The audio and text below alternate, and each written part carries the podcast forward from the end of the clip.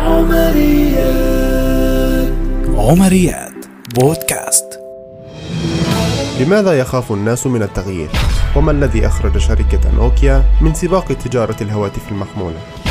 أنا عمر أبو صيام وهذه عمريات بودكاست. عمريات.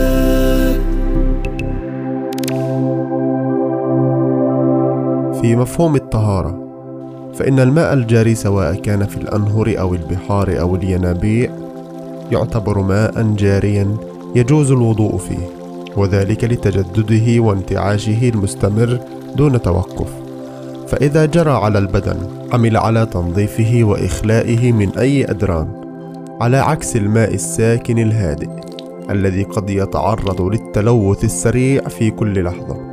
وكلما سكن وقتا أكثر كلما صار مهددا لأن ينقلب إلى سام ومؤذي.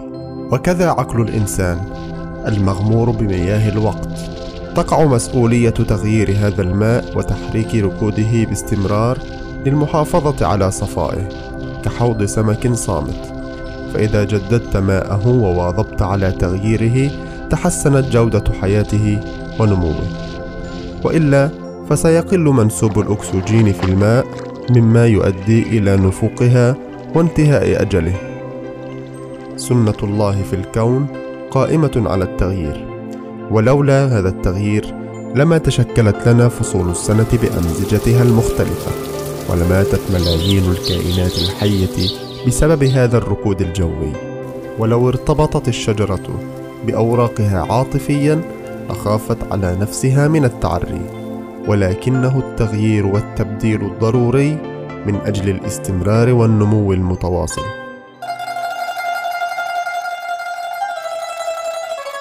جئناك لاجئين من هول ما عنيناه من الظلم والعذاب. قال لنا محمد اذهبوا إلى الحبشة فإن بها ملكا لا يظلم عنده أحد. ما يسمون غير نبي الإسلام خطته في نشر الدين في مكة. رغم أن الكعبة أقدس مقدسات الإسلام في مكة ورغم أن موطئ إبراهيم وحجر إسماعيل في مكة لكن كان من الصواب كسر هذا الروتين الذي يقتل المسلمين إنهم أصروا على هذا التصلب في رأيهم بحجة عدم مغادرة الوطن. وكان هذا التغيير سببا في ولادة دولة قوية زاحمت الإمبراطوريات حتى زماننا هذا.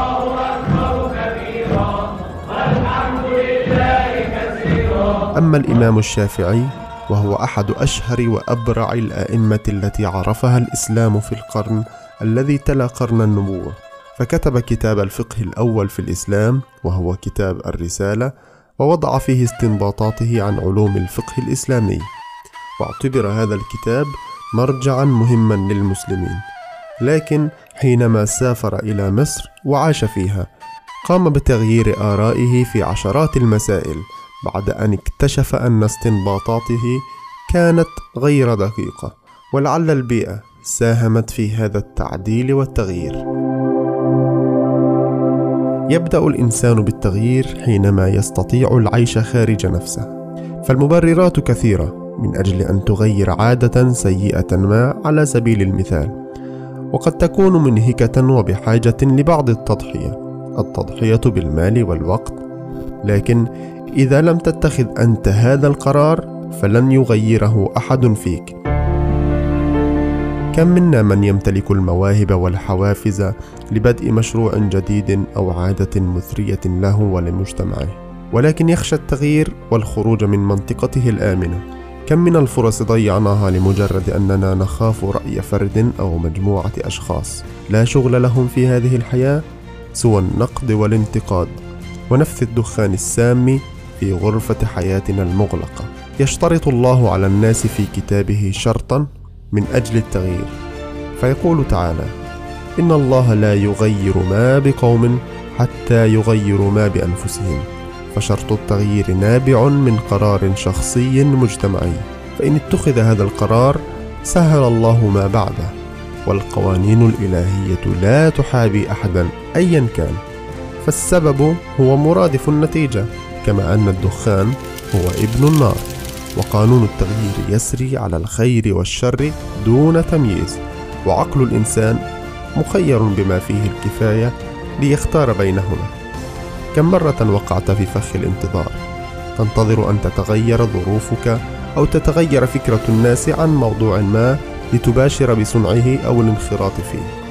لا يفشل التغيير أبدا بسبب التبكير بل بسبب التأخير في أغلب الأحوال. تأخرت شركة كودك وهي عرابة صنع الأفلام التي التقطت عليها الصور قديما بعد أن رفضت تبني تكنولوجيا شريحة الذاكرة الرقمية التي تحول الصورة من ورقية إلى رقمية. ورفضت هذا الاستبدال بحجة أن الناس لا تمتلك الحواسيب في حينه.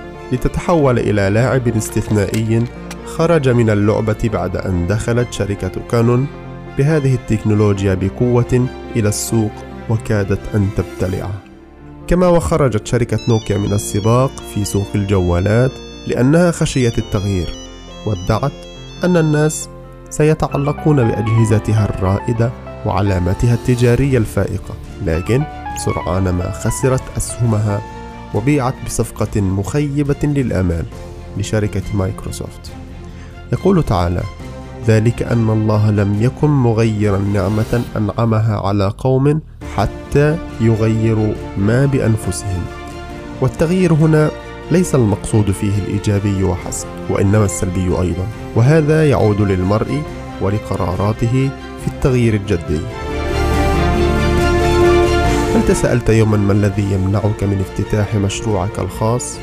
أو هل قلت لنفسك أنك تستطيع تحقيق هدف ما أو حلم ما ولكن ما يمنعك هو الوقت أو بعض المال من ذلك؟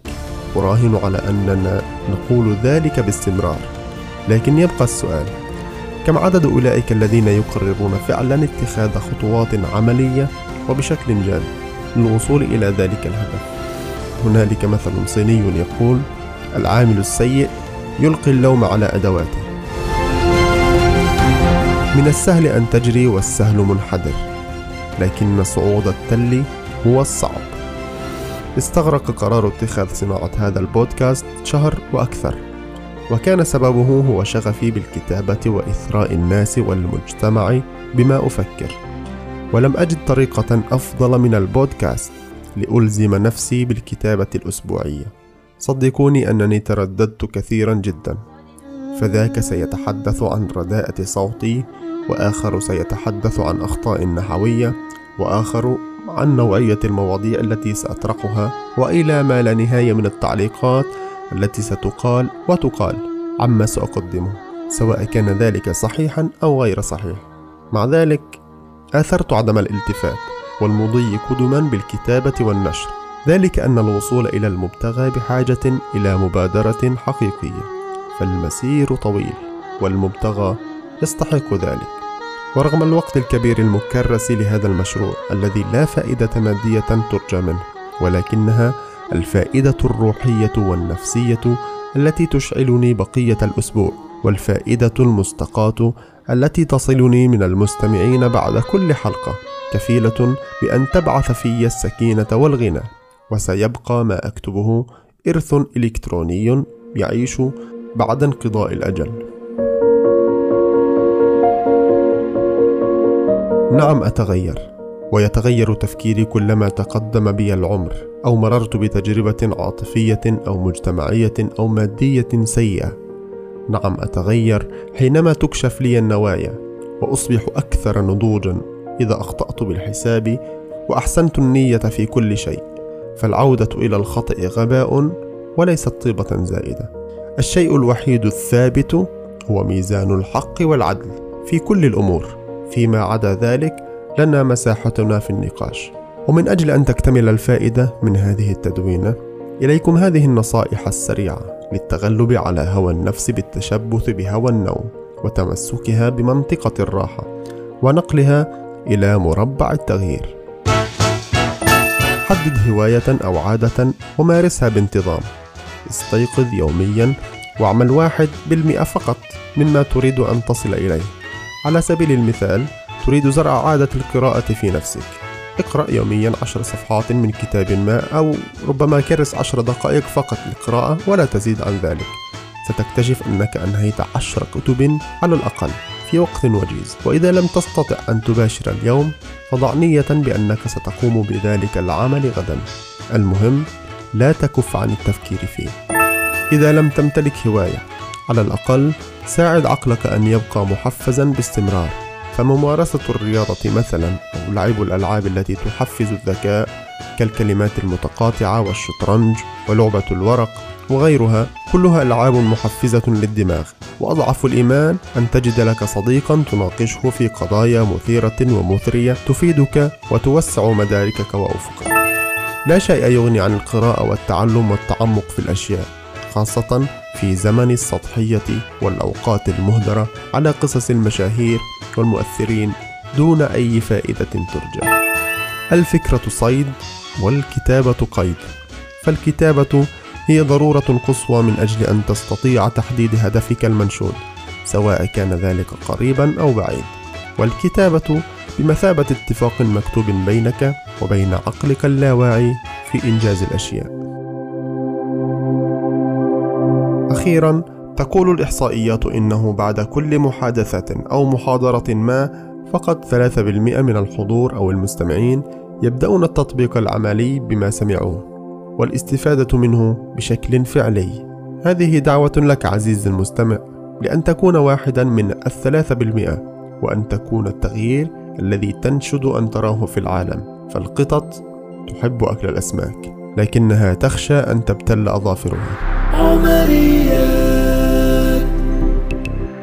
تسعدني آراؤكم ومشاركاتكم لهذه التدوينة وأنصحكم الاستماع إلى تدوينة الاستثمار بالذات ففيها الكثير من الفوائد المتعلقة بهذا الموضوع. وإلى لقاء قادم في الأسبوع القادم في عمرية جديدة. إلى اللقاء. عمريات عمريات بودكاست.